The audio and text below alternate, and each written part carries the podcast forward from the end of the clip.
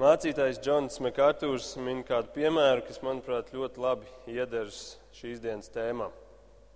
Un tas ir raksts no Life magazine žurnāla, kurā ir attēlots bilžu sērija ar četrām bildēm, kurām ir izstāstīts kāds, kāds stāsts, kāds patiesas notikums, um, varētu teikt, viens no skumjākajiem stāstiem, kādu varam iedomāties. Pirmajā bildē ir redzams kāds plašs, skaists labības lauks ASV Kanzas štatā. No horizona līdz horizontam ir labība, vējā šūpota. Otrajā bildē ir redzama kāda māte izmisumā, sāpēs, stāvam pie šī lauka.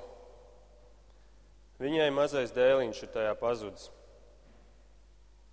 Mazais zēns ir izgājis no mājas un ieklīdis šajā labības laukā un vairs nav varējis atrast ceļu ārā no tām. Šis zēns pārāk īss, lai viņu ieraudzītu, pārāk īss, lai redzētu pats pāri labībai. Un tā un šī māte ar savu vīru visu vakaru un nakti izmisīgi meklējuši savu dēlu. Sapratuši, ka ir jāmeklē papildus spēki. Trešajā bildē redzams ļaužu pūlis rīta agrumā. sabraukuši draugi un kaimiņi no apkārtējām mājām, un visi sastājušies garā rindā, sadavušies rokās un izveidojuši garu ķēdi, lai pārmeklētu visu lauku metru aiz metra. Un tad visbeidzot ceturtā bilde. Tēvs stāv savu mazā dēliņu priekšā Viņi to beidzot bija atraduši, bet bija jau par vēlu. Augstā nakts bija izdzēsusi viņu dzīvību. Un zem šīs bildes raudošo tēvu bija uzraksts ar šī tēva vārdiem: Ak, Dievs, ja mēs tikai būtu ātrāk sadavušies rokās! Kas par skumju stāstu? Bet klausieties, Jēzus stāvēja un lūkojās uz baltajiem labības laukiem un teica: Paceliet savus acis un skatiet drūs, kas jau ir balts pļaujai. Pļaujamā ir daudz, bet pļāvēju maz. Tur ārā ir pilns ar pazudušiem zēniem un meitenēm, vīriem un sievām, kur nevar atrast ceļu ārā. Viņi nespēja atrast ceļu uz tēvu māju. Viņi nespēja saredzēt pāri šīs labības laukam. Un tuvojas nakts, grēka nakts, kas nežēlīgi paņems viņu dzīvības. Un kad saule ausīs rītam, būs jau par vēlu. Tādēļ Jēzus šodienas raksturvieta saka: sadodieties rokās. Jūs esat sāls un gaisma. Jūs esat vienīgā cerība šiem cilvēkiem ar savu ietekmi, sāli un ar savu vēsti, gaismu dodieties cauri šiem laukiem. Un to nevar izdarīt tikai viens vai divi. Tur visai draudzē ir jāsadodas rokā, rokās un jāiet. Viens sāls graudiņš neko daudz nespēja, un viens gaismas stars arī nē. Viņiem ir jāsavienojas kopīgā misijā, un nav laika, ko zaudēt. Tātad Jēzus saka, jūs esat pasaules gaisma. Un tad apskatīsimies, ko tas nozīmē detalizētāk. Un šajā teikumā ir jau iekļauts kāds pieņēmums. Un tas pieņēmums ir, ka pasaule ir kāda? Tumša. Jā. Pasaule ir tumša, ja jau viņai vajag gaismu. Un tas pats teikums ir, tas, tas, tas pats pieņēmums ir arī par teikumu, jūs esat zemes sāls. Pasaule ir pūstoša, trūdoša, ja jau viņai ir vajadzīgs sāls, kas viņu saglabā. Atcerieties, Raimons pagājušajā reizē stāstīja, ka sāli sanāk un arī šodien um, iebērza gaļā. lai viņu saglabātu, lietojam. Un tāpat ir ar patiesiem kristiešiem. Viņu dēļ Dievs pasargā visu cilvēku no bojājas. Dievs teica Ābrahamam, ka pietiks ar desmit taisniem, lai pasargātu vesels divas civilizācijas, vesels divas pilsētas, Sodomu un Gomoru. Tikai desmit taisnie. Un desmit taisnie neatradās, bet pat tad, pirms Dievs sodīja šīs pilsētas, viņš izveda ārā taisnos Lāta ģimeni. Un atklāsmes grāmatā Antikrista laikā Dievs paņems prom draudzi, jeb visus taisnos. Un nieka septiņos gados šeit viss sabruks. Tā nu taisno dēļ tiek audzēta netaisnība. Un sāls ir tā iekšējā, bieži vien neredzamā, klusā ietekme, ar kuru mēs saglabājam sabiedrību. Bet gaisma, gaisma jau ir tā otrā puse. Tā ir tā ārējā, dzirdamā vēsts. Sāls ir tas, kas palēlina trūdēšanu, bet gaisma ir tā, kas padara pilnīgi jaunu. Nepietiek būt tikai par sāli, par klusu ietekmi, jo tā tikai bremzē slikto, bet tā nepadara labu. Ir nepieciešama arī šī gaisma, kas vienīgā atnes pilnīgu dziedināšanu, glābšanu. Un to var salīdzināt ar, ar to, ka, kristī, ka kritušiem cilvēkiem ir nāvējoša brūce. Un sāls būs tas, kas palielinās viņu bojāju, bet tikai gaisma būs tā, kas šo brūci pilnībā dziedinās un padarīs šo cilvēku veselu. Tātad sāls ir tā klusā iekšējā ietekme, bet gaisma ir ārējā dzirdamā sludināšana. Sāls ir kā, tā, kā tāda reakcija uz to, kas notiek man apkārt, bet gaisma ir jau tas solis pretī un jau tā aktīvā darbība. Un jābūt šīm abām lietām. Un nedara arī tikai gaisma bez sāls, Jo kurš gan uzklausīs manu vēsti, ja nebūs bijusi kāda ietekme no manis, kuras dēļ ir vispār vērts klausīties? Tā nu šī klusā ietekme sagatavo cilvēku sirdis, bet sludināšana atnes ticību. Tā kā ir arī teikts romiešiem 10, 17, ka ticība nāk no sludināšanas. Ticība nāk no šīs gaismas. Un Bībelē ar gaismu parasti tiek apzīmētas zināšanas par Dievu, Dieva atzīšana. Pāvils 2. korintiešiem 4.6 raksta šādi. Jo Dievs, kas sacīs, no tumsas atspīdēs gaisma, ir iespīdējis mūsu sirdīs, lai apgaismotu Dieva godības atzīšanu Jēzus Kristus vaigā. Gaisma ir atzīšana Līdz ar to tumsa ir neatzīšana, tumsa ir nezināšana. Un līdz ar to Jēzus uzskats par pasauli ir, ka šī pasaule ir tumša, šī pasaule, šai pasaulē ir nepieciešama gaisma. Un varbūt, ja mēs to pasakam cilvēkiem, cilvēki teiktu, ko tu tur runā? Pasaule tumša, paskaties taču pēdējos pārsimtus gadus, kā mēs esam attīstījušies. Pasties, kur mēs esam šodien. Vai tad nav acīm redzams, ka visi iet uz labo pusi? Jā, pasaule ir attīstījusies un strauji, bet tikai mehāniski, tehnoloģiski, zinātniski. Tā nedrusciņi nav garīgi vai morāli attīstījusies. Tieši pretēji. Tagad, kad mēs esam tehnoloģiski attīstītāki kā jebkad. Tā amoralitāte sabiedrībā ir arī augstāka kā jebkad agrāk. Publiski tiek attaisnots grēks. Likumos jau sāk tiek, tiek rakstīts iekšā, ka nedrīkst stāties pretī šiem grēkiem. Iecietība pret homoseksuālismu, pornogrāfija ir viss vis, vis apkārt nākusi mums iekšā ar, ar šo tehnoloģisko attīstību. Šķiršanās notiek tādā masveidā kā, kā nekad agrāk un citi grēki. Tādēļ šai pasaulē, kas ir iegrimusi tumsā, vienīgā cerība ir gaisma. Un kurš tad ir tā gaisma? Ja es saku, jūs esat pasaules gaisma. tātad kristieši.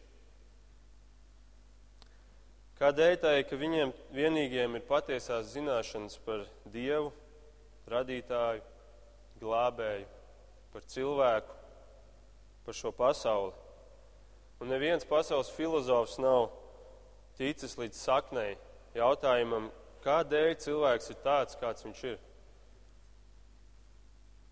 Jo cilvēki ir tehnoloģiski attīstīti, bet savstarpējās attiecībās ir tādas problēmas, tādi problēma kalni.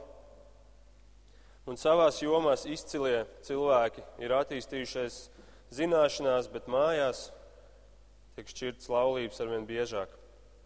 Un šīs nesaskaņas ir redzamas visos sabiedrības līmeņos - cilvēku starpā, problēmas attiecībās, grupu starpā, problēma, problēmas politikā, ekonomikā un, un, un visur citur, un arī nāciju starpā, kā mēs redzam kari un nemieri. Un tad tas jautājums ir, kas ir tas cēlonis? Un pasaules gudrākie prāti nespēja atbildēt. Viens no lielākajiem 20. gadsimta filozofiem bija Bertrands Rasels, kurš nomira 98 gadu vecumā. Un eh, viņš savā autobiogrāfijā īsi pirms savas dzīves beigām raksta, ka filozofija man neko nav devusi. Cilvēks, kurš visu savu dzīvi ir veltījis tam, lai izzinātu to, kas ir cilvēks, no kurienes nāk visas problēmas, viņš beigās atzīst, ka viņam tas neko nav devis. Un kāds mācītājs, pastaigājoties pa kalniem, uzgāja kādu jaunu vīru, kurš dzīvoja kartona kastē. Un viņš piegāja klāt šim vīram un uzsāka sarunu.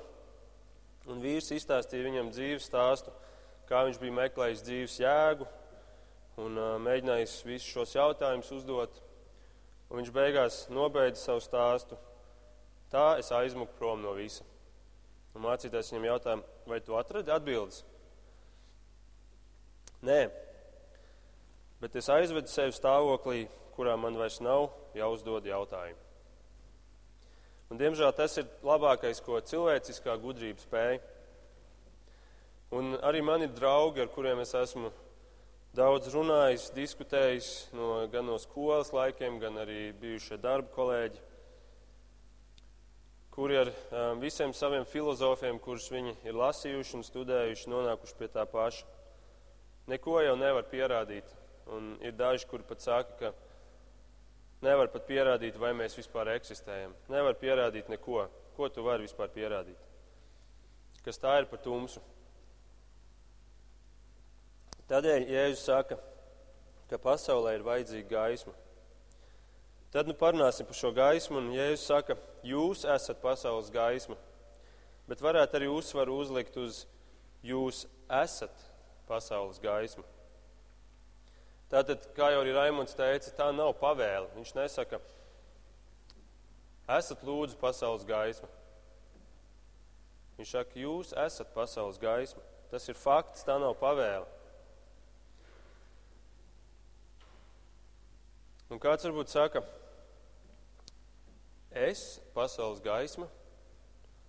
Ja kāds ir pasaules gaisma, tad drīzāk tie īpašie, tie superkristieši, tie evaņģēlisti, pilna laika kalpotāji, mācītāji, sludinātāji, kristīgu bestselleru autori, misionāri.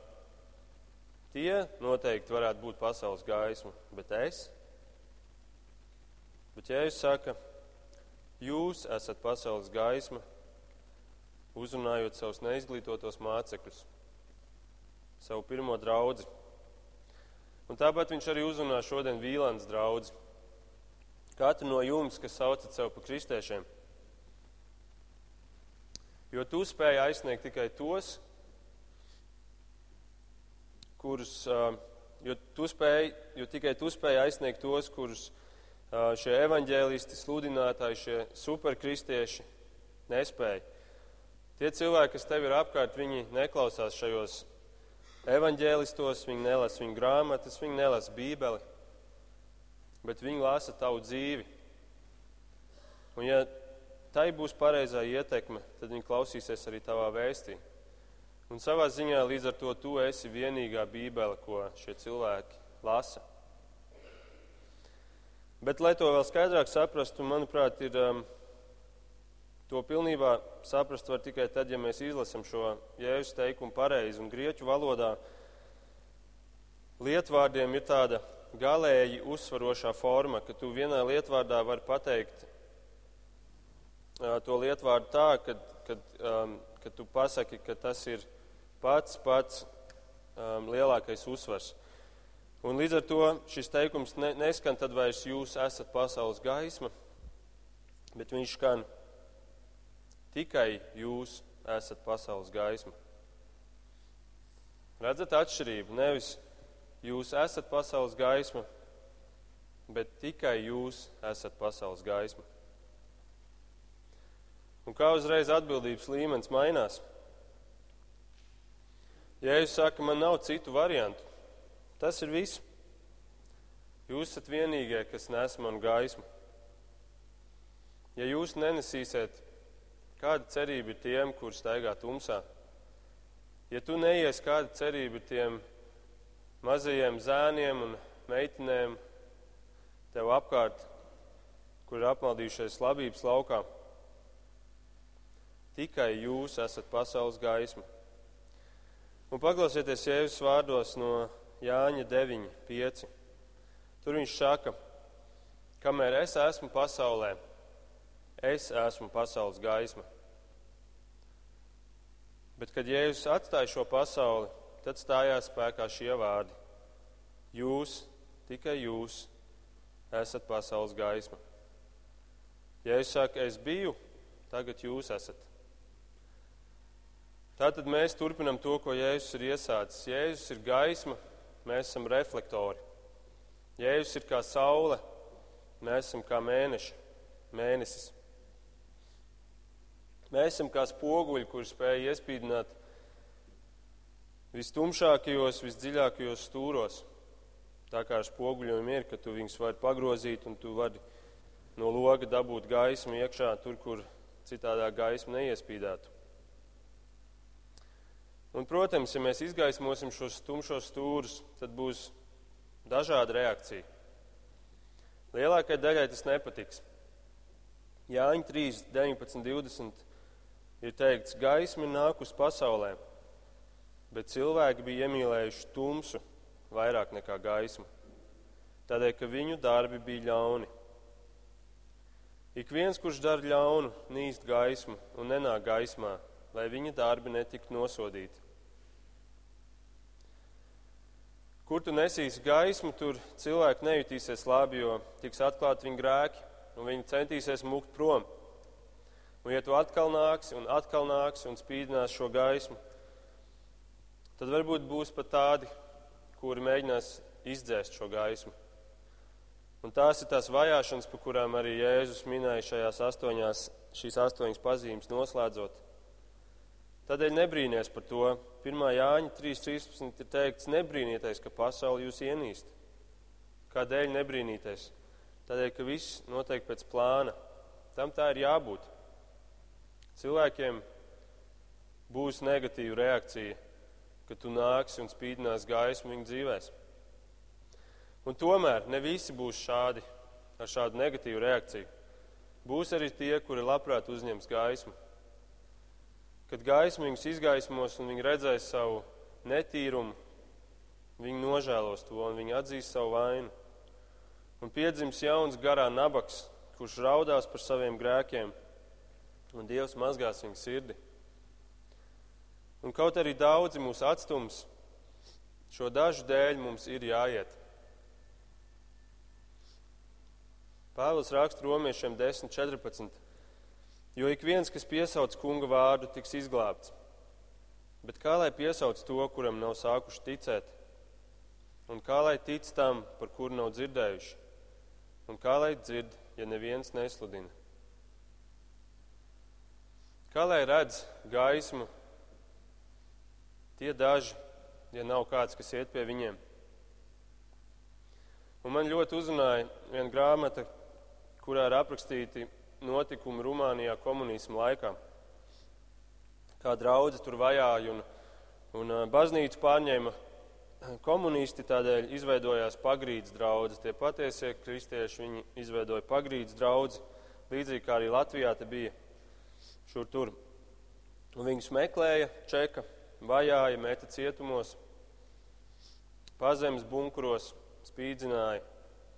Un šīs grāmatas autors ir um, tās grāmatas autors, uh, kur, kur, kur es lasīju par, jā, par šiem notikumiem Rumānijā viņš pats 14 gadus nodzīvoja pazemē, nevienu dienu neredzot saules gaismu. Bet viņš raksta, cik ļoti šie kristieši bija gatavi iet šajos cietumos, ja bija jāiet. Viņi teica, bet kurš tad ies un nesīs gaismu tiem komunistiem, kuri ir tur pazemes bunkuros, kur spīdzina mūsu kristiešus? Kurš nesīs viņiem to gaismu? Tiem spīdzinātājiem, sitējiem un viņi gāja. Gāja nest gaismu vistumšākajos, vismelnākajos stūros.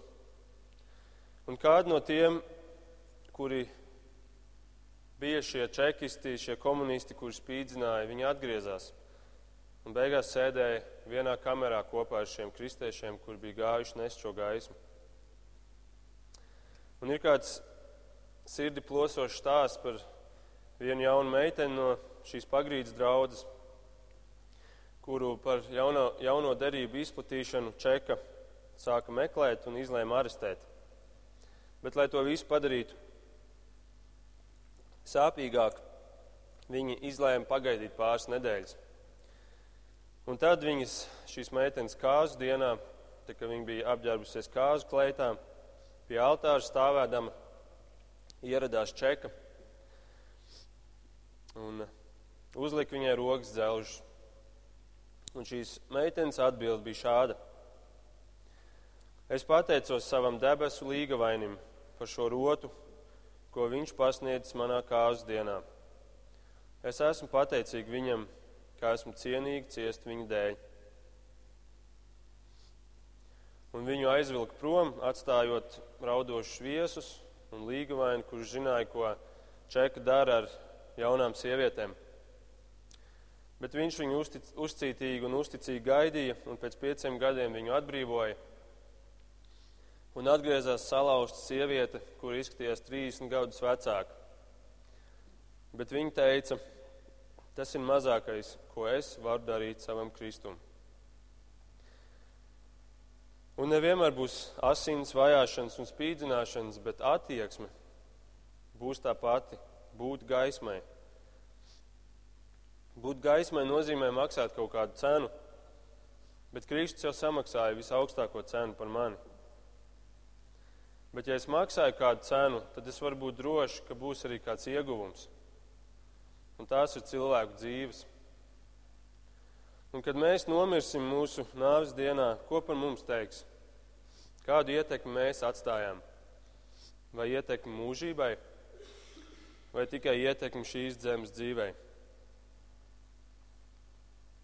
Un gal galā tas ir jautājums par to, kas Dievs ir mūsu acīs. Šajā rakstvietā, kas jums ir atvērta, pašās beigās skan vārdi, lai jūsu gaisma spīd cilvēku priekšā, ka tie redz jūsu labos darbus un godā ko? Jūsu tēvu, kas ir debesīs. Tātad mērķis visai šai manai rīcībai iet un būt gaismai ir, ka tēvam tiek gods. Bet, ja es neesmu gatavs nest gaismu, es vienkārši pasaku, ka mans savs gods ir svarīgāks. Es negribu pazaudēt savu darbu, savu reputāciju, savus draugus, savu komfortu. Un tavs paša gods nozīmē, ja bija tas pats pūrs, kuru tu uzliec virsū savam lukturim, un gaisma vairs nespīd citiem.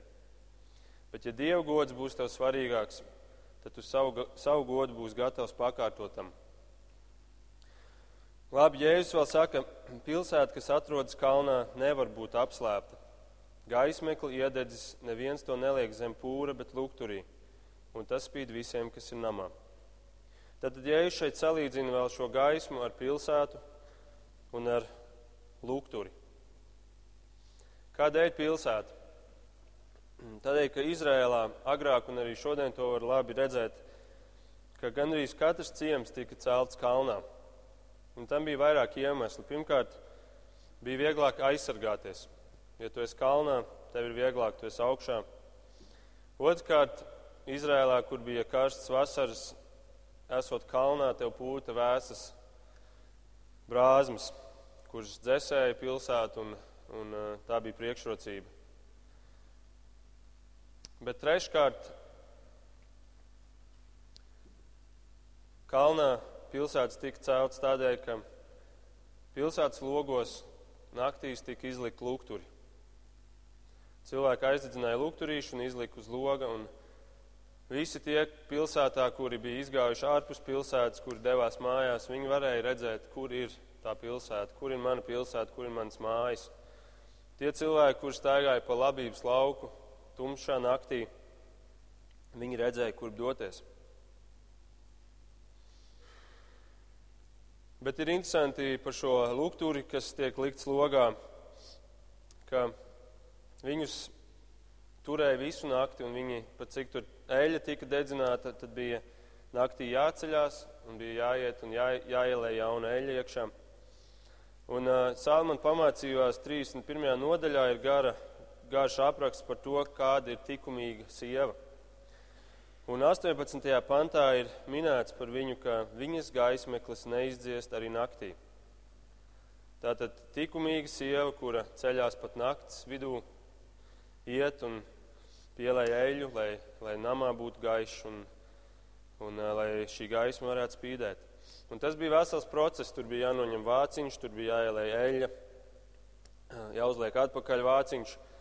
Tātad tas bija vesels process, un Jēzus šeit saka, Kādā sakrā, lai tu celtos naktī, ietu uzpildīt šo, šo lūgturi, ietu cauri visam šim procesam, lai beigās uzlikt pāri pārsagu. Cik absurdi! Cik absurdi! Tu esi lūgturs, kur Dievs ir uzpildījis, un, un kādēļ, lai tu liktu tagad virsū tam šai gaismai kādu pārsagu?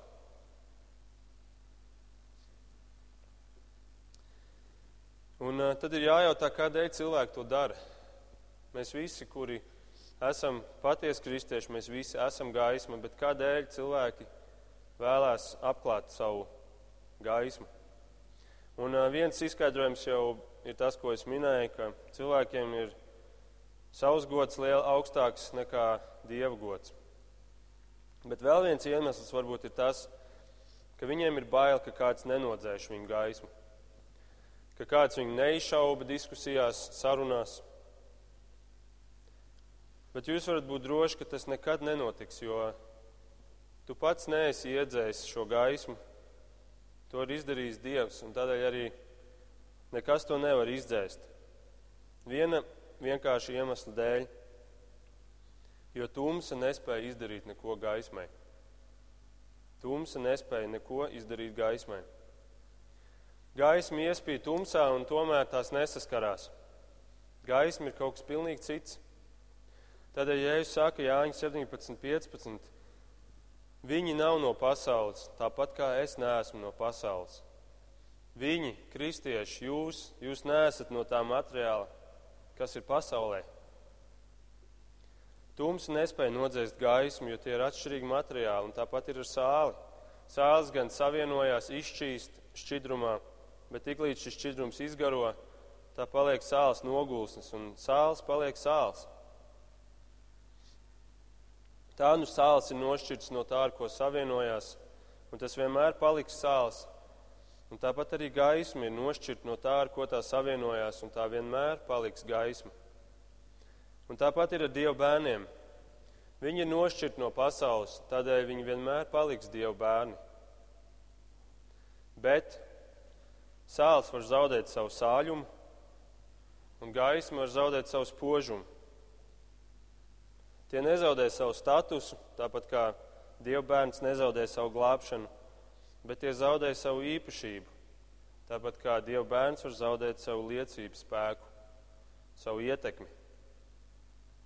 Un Pāvils par šo tēmu raksta 1. korintiešiem 9, 27, kur viņš saka, bet es šaustu un paverdzinu savu miesu lai sludināt, sludinādams citiem pats nekļūtu atmetams. Un tad citi cilvēki saka, redzi, šeit Pāvils saka, ka viņš var pazaudēt savu glābšanu.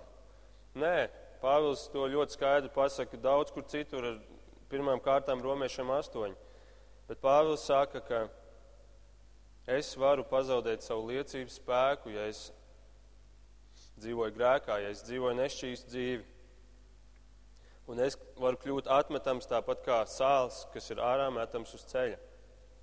Un starp citu uz ceļa tādēļ, ka viņi sāli, kurš zaudēja savu sāļumu, ne, nemeta laukā, kur auga um, stādi, jo tas iznīcinātu uzreiz visu dzīvību, bet viņi meta uz ceļa, kur cilvēki gāja un samina vienkārši. Tātad gaismu apsedzot tā izskatās pēc tumsas, bet tā joprojām ir gaisma.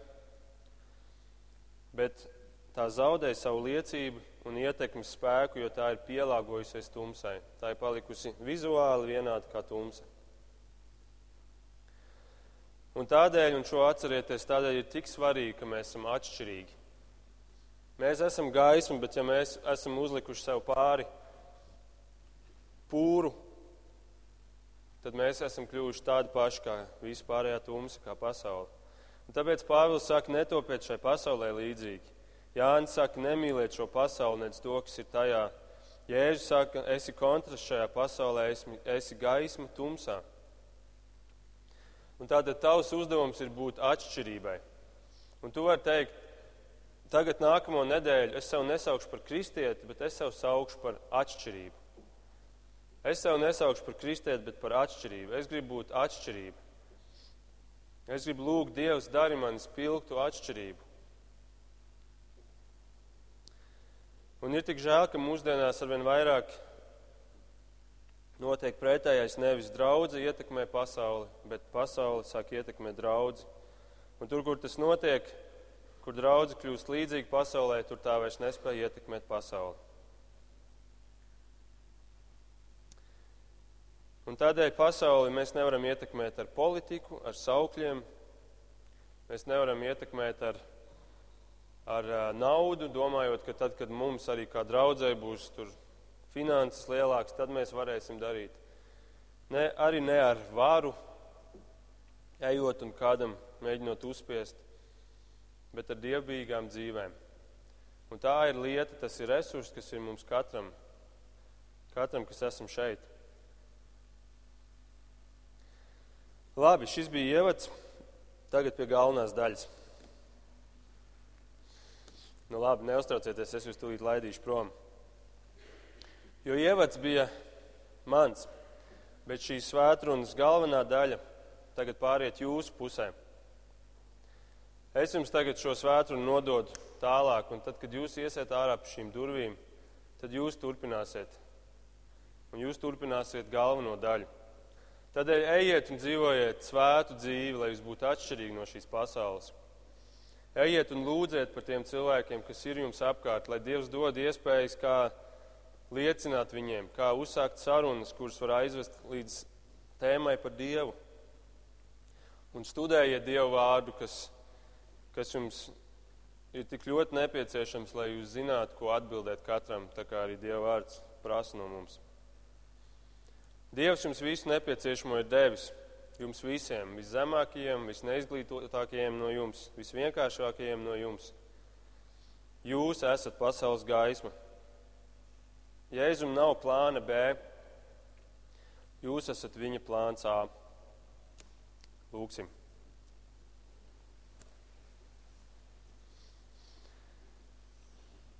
Mīļais kungs, paldies Tev, ka no visiem visiem tiem, kurus tu varēji izvēlēties, kas varētu nest tavu gaismu tālāk šajā pasaulē. Tu esi izvēlējies viszemākos, visvienkāršākos. Tu esi izvēlējies mūsu kungs. Un paldies, ka mēs neesam arī kāds rezerves variants, kungs, bet mēs esam tavs vienīgais variants, kuru tu esi nolicis un kuram tu arī uzticies, kungs. Palīdz mums katram izvērtēt savu dzīvi un Palīdz, ka mēs tos cilvēkus, kuri mums ir apkārt, ka mēs viņus redzētu kā tos zēnus un tos meit, tās meitenes, kuras ir apmaldījušies šajos pasaules labības laukos, kungs.